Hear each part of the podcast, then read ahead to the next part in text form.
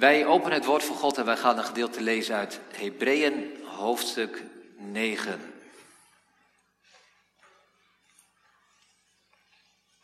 Hebreeën hoofdstuk 9. De naam van het Bijbelboek geeft al aan aan wie het is geadresseerd, voor wie het is geschreven. Voor Joodse mensen, Hebreeën. Waarschijnlijk waren dit mensen die christen waren geworden en na verloop van tijd zich afvroegen of zij eigenlijk wel de goede keuze hadden gemaakt. Ze zagen in het Jodendom allemaal dingen die hun dierbaar waren geweest, maar die ze nu niet meer hadden. De tempel, de wetten, de offers, de hoge priester. En ze dachten, zijn we niet meer kwijtgeraakt dan dat we ontvangen hebben? Wat hebben we eigenlijk? Nou, dit Bijbelboek, Hebreeën, is waarschijnlijk een, een, een preek geweest met telkens stukjes uitleg en toepassing, aansporing. En wat de schrijver doet is dat hij telkens gaat naar het Oude Testament en zegt, kijk wat we daar hadden, hebben we nog steeds, maar dan veel rijker en veel dieper in de Heer Jezus. Nou, een van die woorden is het woord verbond, testament. En daar gaat het stukje over dat wij lezen, Hebreeën 9, vers 11 tot en met 17. Hier spreekt het woord van God. Maar toen is Christus verschenen, de hoge priester van de toekomstige helsgoederen. Hij is door de meerdere en meer volmaakte tabernakel gegaan, die niet met handen is gemaakt, dat is, die niet van deze schepping is. Hij is niet door bloed van bokken en kalveren, maar door zijn eigen bloed voor eens en altijd binnengegaan in het heiligdom en heeft daardoor een eeuwige verlossing teweeggebracht. Want als het bloed van stieren en bokken en de as van de jonge koe op de verontreinigden gesprenkeld hen heiligt tot reinheid van het vlees, hoeveel te meer zal het bloed van Christus, die door de eeuwige geest zichzelf smetteloos aan God geofferd heeft, uw geweten reinigen van dode werken om de levende God te dienen. En daarom is hij de middelaar van het nieuwe verbond, opdat nu de dood heeft plaatsgevonden tot verzoening van de overtredingen die er onder het eerste verbond waren, de geroepenen de belofte van de eeuwige erfenis ontvangen. Immers, waar een testament is, daar is het noodzakelijk dat de dood van de maker van het testament vastgesteld wordt. Want een testament is bindend na iemands dood. Het wordt immers nooit van kracht zolang de maker van het testament nog leeft. Tot zover de lezing van de schrift. De tekst voor de preek bestaat in vers 16 en 17. Hebreeën 9, vers 16 en 17 immers waar een testament is. Daar is het noodzakelijk dat de dood van de maker van het testament vastgesteld wordt. Want een testament is bindend na iemands dood. Het wordt immers nooit van kracht zolang de maker van het testament nog leeft. Het Nieuwe Testament. Het is een eenvoudig thema, maar dat schrijven we boven de preek. Het Nieuwe Testament. We hebben drie gedachten. Ten eerste de maker van het testament. Ten tweede de namen in het testament. En ten derde de inhoud van het testament. Dus het Nieuwe Testament, de maker van het testament. Wie heeft dit opgesteld? Dat is Jezus. De tweede, de namen in het testament. Wie zijn de erfgenamen? Staat onze naam daarin? Kun je dat weten? De namen in het testament. En ten derde, de inhoud van het testament. Waarin bestaat dan die erfenis, zoals de tekst het heeft. Over, in vers 15 over de eeuwige erfenis. Drie gedachten bij dat thema, het Nieuwe Testament. Gemeente, het thema boven de preek vanmorgen is het Nieuwe Testament en onze eerste gedachte de maker van het testament. Ik weet wel, het is geen leiderstijd. En toch wil ik, al is het midden in de zomer, preek houden over het lijden van de Heer Jezus. Misschien dat op de dag waarop Jezus gekruisigd werd, het wel net zo heet was als vandaag. Dat hij in zulke hitte gehangen heeft. Als wij die hoofdstukken lezen, de slothoofdstukken in de vier evangelie, alle vier, dan zien we gemeente dat daar de nadruk valt op de, op de reacties van de mensen die Jezus zien lijden. Het lijden van Jezus wordt daar beschreven, maar evenzeer mensen die getuigen zijn en het doet wat met hen. En zij worden emotioneel. Of niet? Maar die reacties krijgen alle ruimte. We zien, we zien dat de vrouwen uit Jeruzalem hun tranen niet kunnen bedwingen. Als zij Jezus daar zien strompelen op weg naar Golgotha, misschien hadden ze hem een paar dagen daarvoor nog gezien, op het tempelplein met de kinderen om hem heen.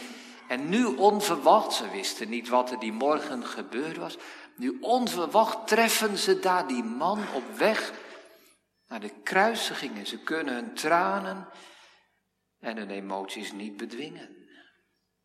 We voelen dat als Johannes, de apostel die Jezus lief heeft, aan de voet van het kruis staat. Zo dichtbij dat hij alles ziet. En hij zegt het ook. Ik ben getuige geweest. Hij is van zijn plek niet geweken. Denk aan Maria, de moeder van Jezus. Die daar staat. En de woorden van de oude Simeon zullen ongetwijfeld in haar herinnering gekomen zijn. Er zal een zwaard door je ziel gaan. En het zwaard is scherp en het snijdt. Ook Jezus zelf in zijn emotie en zijn lijden wordt ons daar getekend.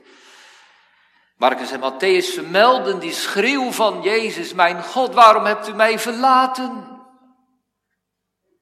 En daarna als Jezus gestorven is, dan zien we dat vind ik altijd weer dat, dat intense tafereel van Nicodemus, Jozef van Arimathea, die daar het lichaam van Jezus met alle zorg en aandacht behandelen, van het kruis nemen, inwikkelen, specerijen erbij.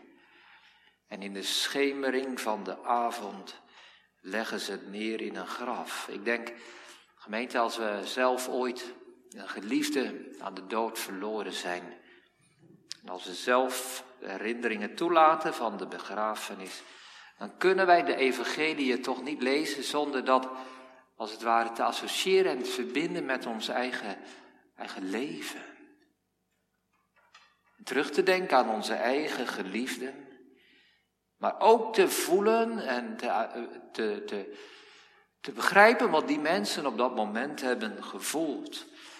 Toen ze Jezus, die ze zo lief hadden,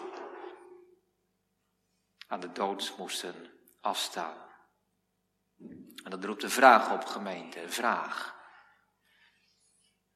Een vraag die heel de kerkgeschiedenis door al gesteld is. Had Jezus niet op een andere manier ons kunnen redden dan door te sterven? Dat is een hele oude vraag die je telkens weer tegenkomt als, als Jezus nu God en mens beide is. Als die, om zo te zeggen, goddelijk bloed heeft, kostbaar bloed heeft, was één druppel dan al niet genoeg geweest om ons te redden. Had die worsteling in de hof van Gethsemane dan niet kunnen volstaan, waar hij die verlatenheid van God ervaren heeft en gekropen heeft en gezegd heeft, ik ben een worm en geen man. Waarom moest Jezus lijden tot in de dood?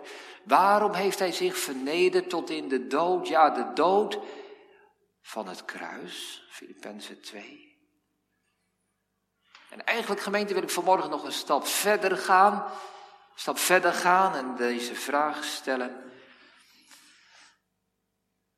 Zitten wij eigenlijk wel op een verklaring te wachten waarom Jezus sterven moest? Bij zoveel verdriet en bij zoveel pijn doen we Jezus, zo gezegd, doen hem wel recht.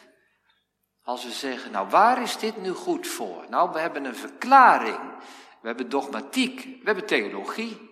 En we kunnen het uitleggen waarom Jezus lijden moest en sterven moest. Is elke uitleg van de dood van Jezus eigenlijk niet gevaarlijk? Is het niet een inbreuk op wat er gebeurd is op Golgotha. Gemeente, moeten wij niet zeggen dat, dat het lijden van Jezus een mysterie is? misschien wel het grootste geheim van de wereldgeschiedenis. Een vraagteken van zo'n omvang. Kunnen we het lijden misschien alleen maar recht doen als we zeggen dit is een raadsel, geheim en een mysterie. Wij begrijpen het niet. Hoe is het mogelijk geweest dat de beste mens ooit, die zonder zonde was, alleen maar goed heeft gedaan?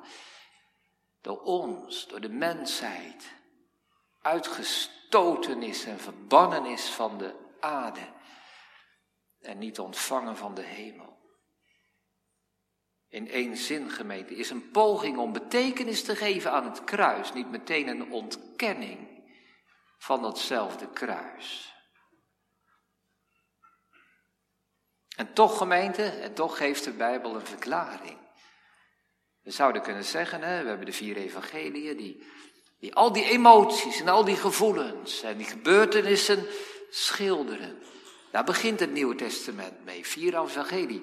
En de rest van de Bijbel is een verklaring een duiding, een antwoord op die vraag. Waarom moest Jezus sterven? Waarom moest hij gaan tot in de dood? Dus het Nieuwe Testament heeft niet alleen een vraagteken, maar ook een groot uitroepteken. Nou, een van de antwoorden, gemeente, zo komen we bij Hebreeën 9. Een van de antwoorden die de Bijbel geeft is: Jezus stierf om daarmee het testament vast te stellen. We lezen het letterlijk zo in onze tekst. Kinderen, wat is een testament? Nou, we noemen dat wel iemands laatste wil. Het laatste wat je wil. Ieder mag naar de notaris gaan en je mag laten vastleggen en laten opschrijven: als ik straks sterf, dan wil ik dat mijn spullen, mijn bezittingen, mijn huis, mijn geld, alles naar die persoon gaat of naar die gaat. Dat is een testament. Je laatste wil. Je laat het vastleggen wat er gebeurt met al je bezittingen wanneer je gestorven bent. Dus kinderen, misschien heeft jouw opa of oma wel een testament. En dat kan zijn dat jouw naam daarin staat. Misschien Misschien heeft, laten we zeggen, heeft jouw opa een heel, heel mooi boek of zo. Of een schilderij of, of iets anders. En dat jouw opa zegt, als ik er straks niet meer ben, dan wil ik dat dat boek, dat schilderij, voor jou is. Ja, maar hoe weet je dat? Nou, dat mag jouw opa opschrijven in zijn testament. Dus dan gaat het geld naar die en het huis naar misschien een oom of een tante en de auto. Dat mag je allemaal opschrijven. En als jij dan wat krijgt, omdat dat opgeschreven stond, dat noemen we erfenis. De erfenis. En als jouw naam daarin staat, dan ben jij erfgenaam. Dus dat zijn allemaal woorden die, die met elkaar samenhangen. Nou, zo'n testament, kinderen, mag worden veranderd. Als jouw opa besluit, nou ik wil het toch anders, ik wil het aan een ander geven of ik wil jou nog meer geven, dat mag. Dat testament mag veranderd worden zolang de maker van het testament in leven is. Iemand mag het helemaal intrekken, mag het testament vernietigen enzovoort. Dus het testament geldt nog niet zolang de maker van het testament nog in leven is. Misschien kinderen staat jouw naam in het testament van je opa en oma. En nou, laat ik zeggen, er staat bij dat jij 100.000 euro krijgt. Dat is wel heel veel. Maar als jouw opa en oma nog leven, dan krijg je het niet. Je krijgt het pas als zij gestorven zijn. Dan wordt het bindend, dan wordt het van kracht. Zo zegt de Bijbel het ook. Dus op dat moment, als iemand gestorven is, dan wordt dat testament van kracht en dan gaan de, de mensen, de familieleden, die gaan naar de notaris. En dat is soms best wel een, een spannend moment.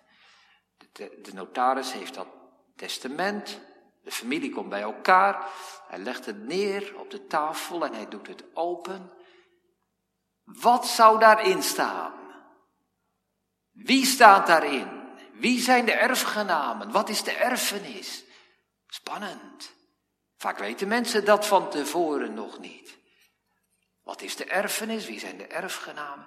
Het is ook spannend omdat het op dat moment vast is, vastgesteld, bindend, onveranderlijk. Misschien, misschien valt het wel heel erg tegen, maar je kunt het niet meer veranderen, want de maker van het testament is al gestorven. Er kan niets meer af, er kan niets meer bij.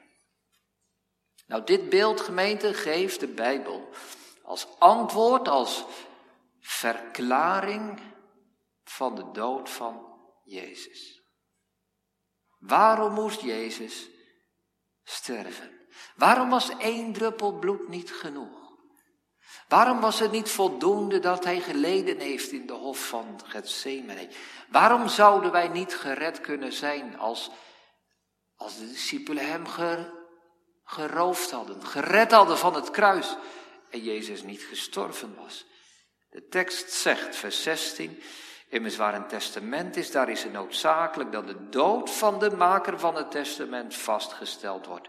Want het testament is bindend naar iemands dood. Het wordt iemand immers nooit van kracht zolang de maker van het testament nog leeft. Dus gemeente, Jezus moest, moest sterven om dit testament met zijn enorme rijkdom en zijn enorme erfenis vast en bindend te maken, zodat niets en niemand het ooit meer zou kunnen veranderen. Wanneer is dat testament van kracht geworden? Op dat moment, op Golgotha, dat Jezus stierf. Dus dat moment is als het ware het ogenblik geweest dat het testament is vastgesteld en kan worden opengemaakt. Zodat wij kunnen weten wat erin staat en wie erin staat.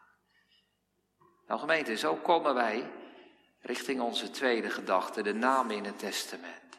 Wat is die erfenis? Daar gaan we straks in de derde gedachte over nadenken, naar luisteren.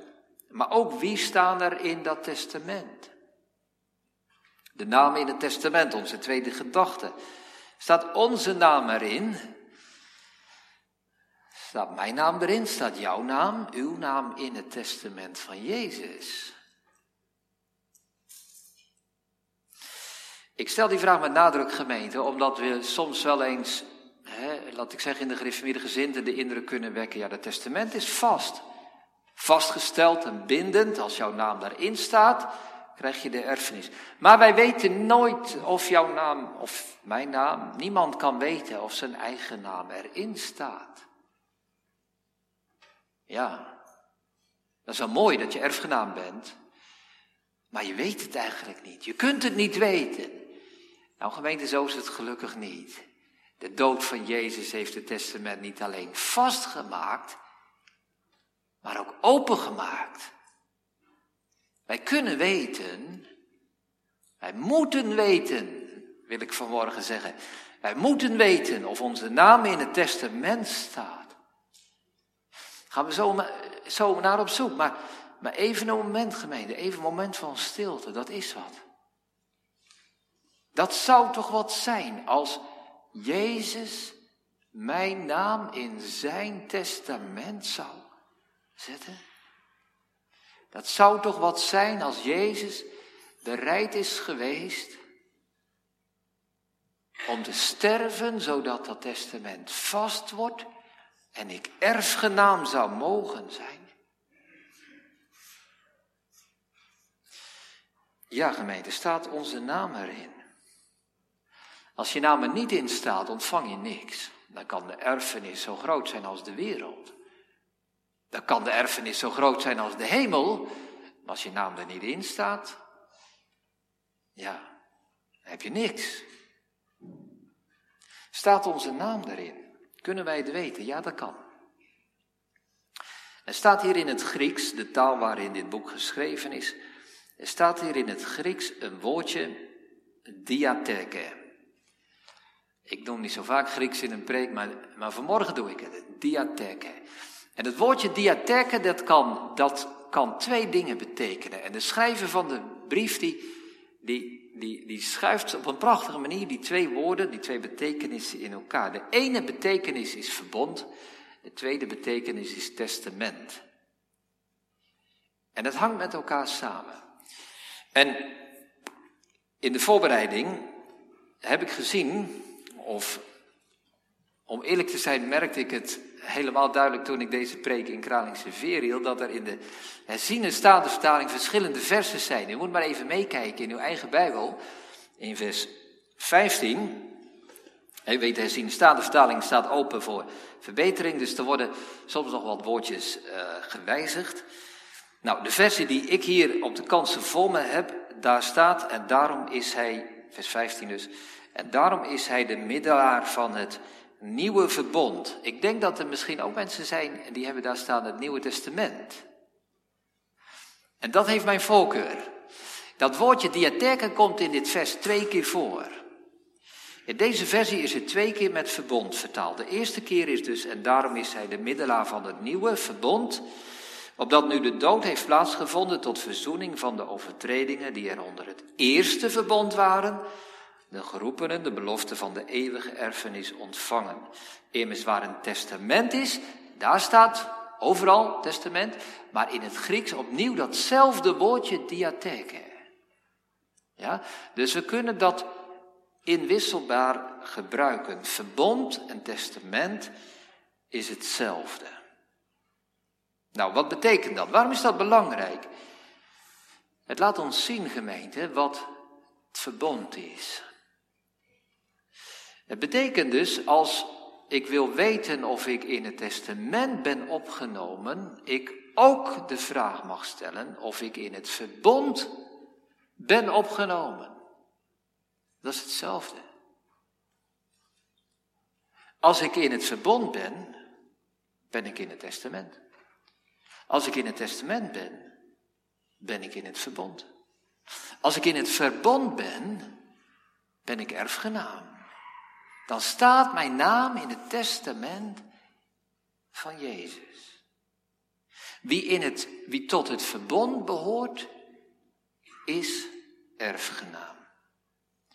Maar goed, misschien gemeente, misschien verschuift het probleem een beetje. Ik bedoel, ik kan me voorstellen dat iemand, of meer dan één iemand vanmorgen zegt, ja dominee, dat verbond, ik vind dat maar lastig. Ik vind het moeilijk. Het gaat wel met regelmaat over het genadeverbond.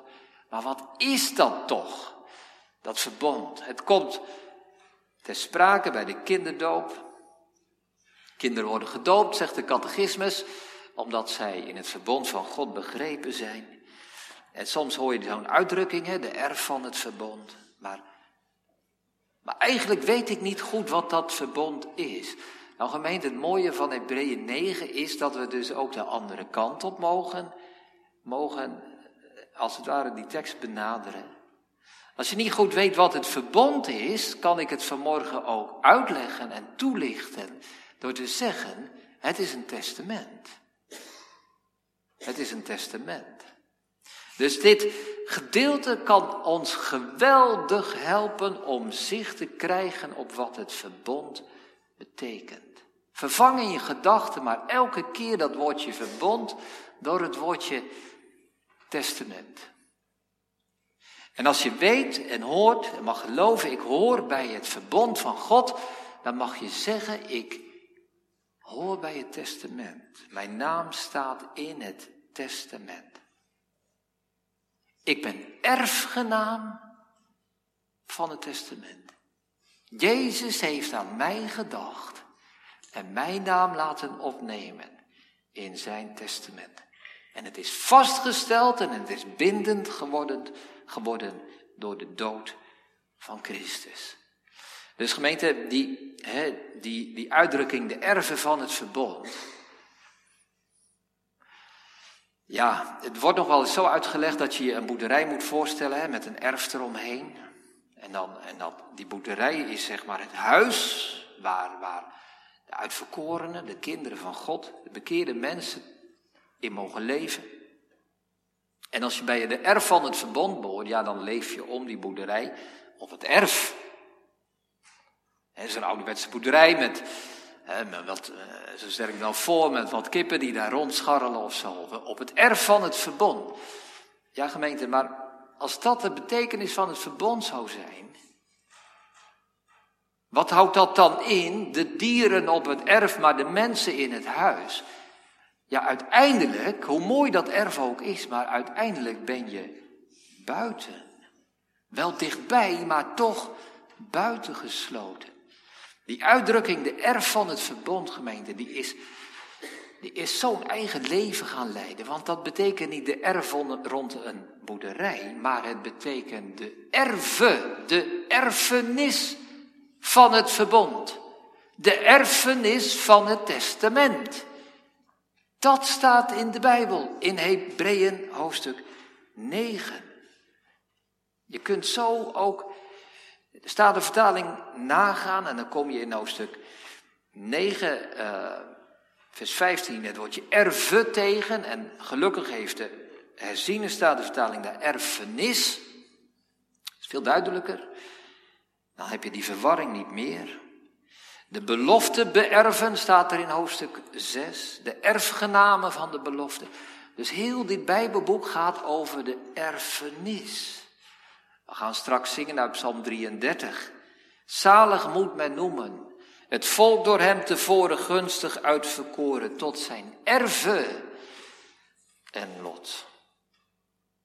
Dus gemeente, ik, ik zou u en jou willen zeggen, willen aansporen om nooit meer te zeggen, ik leef op de erf van het verbond. Wij leven niet op het erf van het verbond, maar wij leven van de erve, van de erfenis van het verbond. Dat is verbond. Ik behoor bij het verbond en dan ben ik erfgenaam van Christus. Dan ben ik opgenomen in zijn testament. En dat deel ik in de erfenis. Dus we gaan terug naar die vraag, gemeente. Staat mijn naam erin? Is de dood van Christus ook voor mij? Is hij voor mij gestorven? krijg ik die erfenis, die eeuwige erfenis. Mag ik dat geloven? Bedrieg ik mijzelf niet? De Heer Jezus heeft ons twee sacramenten gegeven om ons hiervan te bevestigen. Allereerst het avondmaal. Wat zei Jezus in die nacht waarin hij verraden werd, toen hij het brood brak? Dit is het Nieuwe Testament. Het is het nieuwe verbond. Mag je daar in Marcus 14 net zo vertalen? Dit is het Nieuwe Testament. Jezus ging sterven. En hij gaf het brood en hij gaf de wijn. Dus elke keer gemeente, als er avondmaal is en als de schaal met brood er is en als de wijn er is, Wanneer je het met je eigen handen ontvangt en drinkt, dan zegt Jezus, dit is het Nieuwe Testament. Jouw naam staat in mijn. Hier zegt het, hij heeft met zijn dood en bloedstorting het nieuwe en eeuwige testament, komma, het verbond, de genade, testament, verbond, bevestigd toen hij zei het is volbracht. Maar misschien vind je het moeilijk. Misschien ga je niet aan aan het avondmaal. Dan is er nog een test. Is er nog een bevestiging van het testament. De doop. Het doopformulier zegt.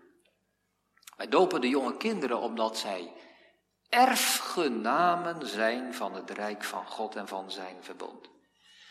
Dus in de doop verzegelt God ons dat Hij een eeuwig verbond der genade, een eeuwig testament met jou heeft opgericht. Je bent persoonlijk gedoopt. Je naam is genoemd.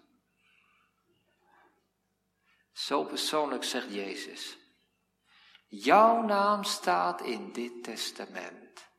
Je hoort bij het verbond.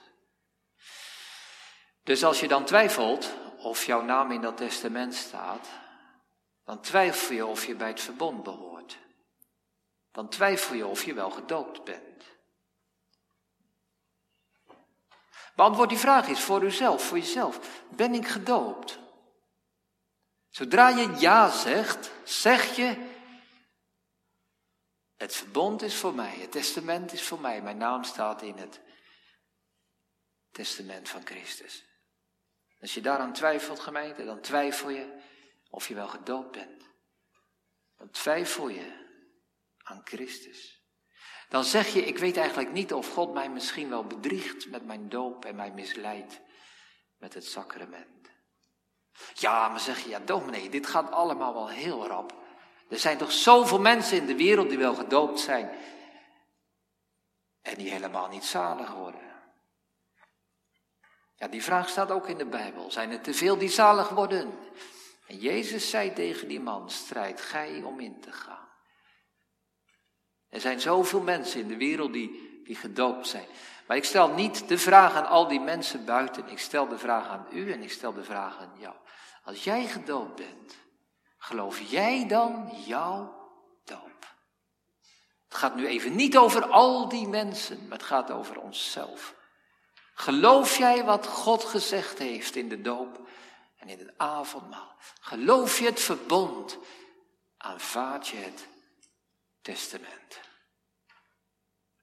Nou gemeente, als je dat mag doen, als je zegt, nee ja, daar, daar wil ik mij niet tegen verzetten. Dan mag je, dan moet je zeker zijn dat je erfgenaam bent. En we gaan naar onze derde gedachte. En dan komt die vraag, wat staat er dan in dat testament? Wat is de inhoud? Wat laat Jezus ons na? Staat in vers 15, het slot. De belofte van de eeuwige erfenis ontvangen. Dus het is een erfenis die eeuwig is, die eeuwig blijft, die nooit overgaat, die voor de eeuwigheid bedoeld is, die de eeuwigheid als bestemming heeft. 1 Petrus 1, vers 3, die onvergankelijke, die onbevlekte, die onverwelkelijke erfenis die in de hemelen bewaard wordt voor u. De eeuwige erfenis. Dus gemeente, die erfenis van Jezus is meer dan alle tijdelijke zegeningen. Als je erfgenaam bent, dan kun je in het tijdelijke leven misschien wel degelijk ziek worden, bang zijn, rampen meemaken. Dat overkomt ons ook. Denk maar aan corona, denk maar aan andere dingen, onzekerheid. Er is geen belofte van rijkdom en goed geluk, goed leven. Dat is allemaal tijdelijk. Nee, de erfenis is eeuwig. De dood van Jezus bevestigt ons van het eeuwige leven. Een eeuwige erfenis die niemand ons ooit zal kunnen afnemen. Wie in Hem gelooft heeft eeuwig leven. Volwaar, volwaar zeg ik u. Dus gemeente, we grijpen terug naar het begin. Hè? Als wij horen over het lijden van de Heer Jezus, gaat het er dan om dat ik geraakt word door wat Hij allemaal heeft gevoeld en de pijn die Hij had? Gaat het erom dat wij aan de voet van het kruis staan en bewogen zijn? En proberen te peilen wat zijn eenzaamheid en zijn verlatenheid is geweest. Ja, we mogen, we mogen die stilte betrachten. Maar gemeente, wij, tenminste, ik denk dat het ons allemaal zo vergaat. Wij redden dat niet, we kunnen dat niet. Het lijden is te groot. Dat vraagteken dient zich weer aan. Hoe kan dit? Wat is dit voor mysterie? Maar als we het geheel van het Nieuwe Testament lezen, dan zien wij dat de grondtoon van het lijdensevangelie niet het lijden van Jezus is, maar de liefde van Jezus. Mijn liefde en ijver brandt, hebben wij gezongen, Psalm 40. Om ons die erfenis te geven. Hij gaf zichzelf in de dood om aan ons, mensen hier in Apeldoorn, te verzekeren dat wij een eeuwige erfenis zullen krijgen en al hebben. De Nederlandse geloofsbeleidenis zegt het zo prachtig. Als wij een andere middelaar moesten zoeken die ons goed gezind zou zijn, wie zouden wij dan kunnen vinden die ons meer lief heeft dan Jezus? Die zijn leven voor ons gegeven heeft, ook toen wij zijn vijanden waren. Ja, gemeente, er is een groot mysterie. Er is een groot vraagteken rondom het lijden van Jezus. Hoe is dit mogelijk? Dat dit gebeurd is. Maar er is ook een groot uitroepteken. Wat ons vertelt wat dat kruis van Jezus betekent. Dat ontdekken we niet allereerst door met Johannes of met de vrouwen of met Maria aan de voet van het kruis te zitten. En als het ware mee te lijden met Jezus. Maar maar wat het kruis betekent, gemeente, ontdekken wij wanneer wij luisteren. Luisteren naar de gekruisigde Christus. Luisteren naar Hem die in de nacht waarin Hij verraden werd het brood brak en zei, dit is het Nieuwe Testament. Dit is mijn bloed dat vergoten wordt niet het oude verbond redt ons, maar het nieuwe testament. En toch gemeente, en toch is er een vraagteken. Ik heb gezegd dat grote vraagteken, dat mysterie, dat staat. De Bijbel gaat verder, plaatst er een uitroepteken bij. Maar er blijft een vraagteken over. Dat als het ware weer volgt op het antwoord dat Hebreeën 9 geeft. En de vraag is deze. Waarom, waarom gemeente heeft Jezus ons zo lief gehad dat hij zichzelf in die bittere en smadelijke en verschrikkelijke dood gegeven heeft? Waarom heeft hij u en jou lief gehad? Waarom heeft hij mij zo lief gehad? dat hij mijn naam in zijn testament heeft opgenomen. Waarom was hij bereid om te sterven voor ons? Een vraagteken. Gemeente, op die vraag krijgen wij nooit een antwoord. Hier is geen verklaring voor, hier is geen uitleg, hier zit geen redelijkheid in. Waarom heeft Jezus ons zo lief gehad? Ik weet zeker dat zelfs de eeuwigheid niet lang genoeg zal zijn om deze liefde van Jezus te begrijpen. Amen.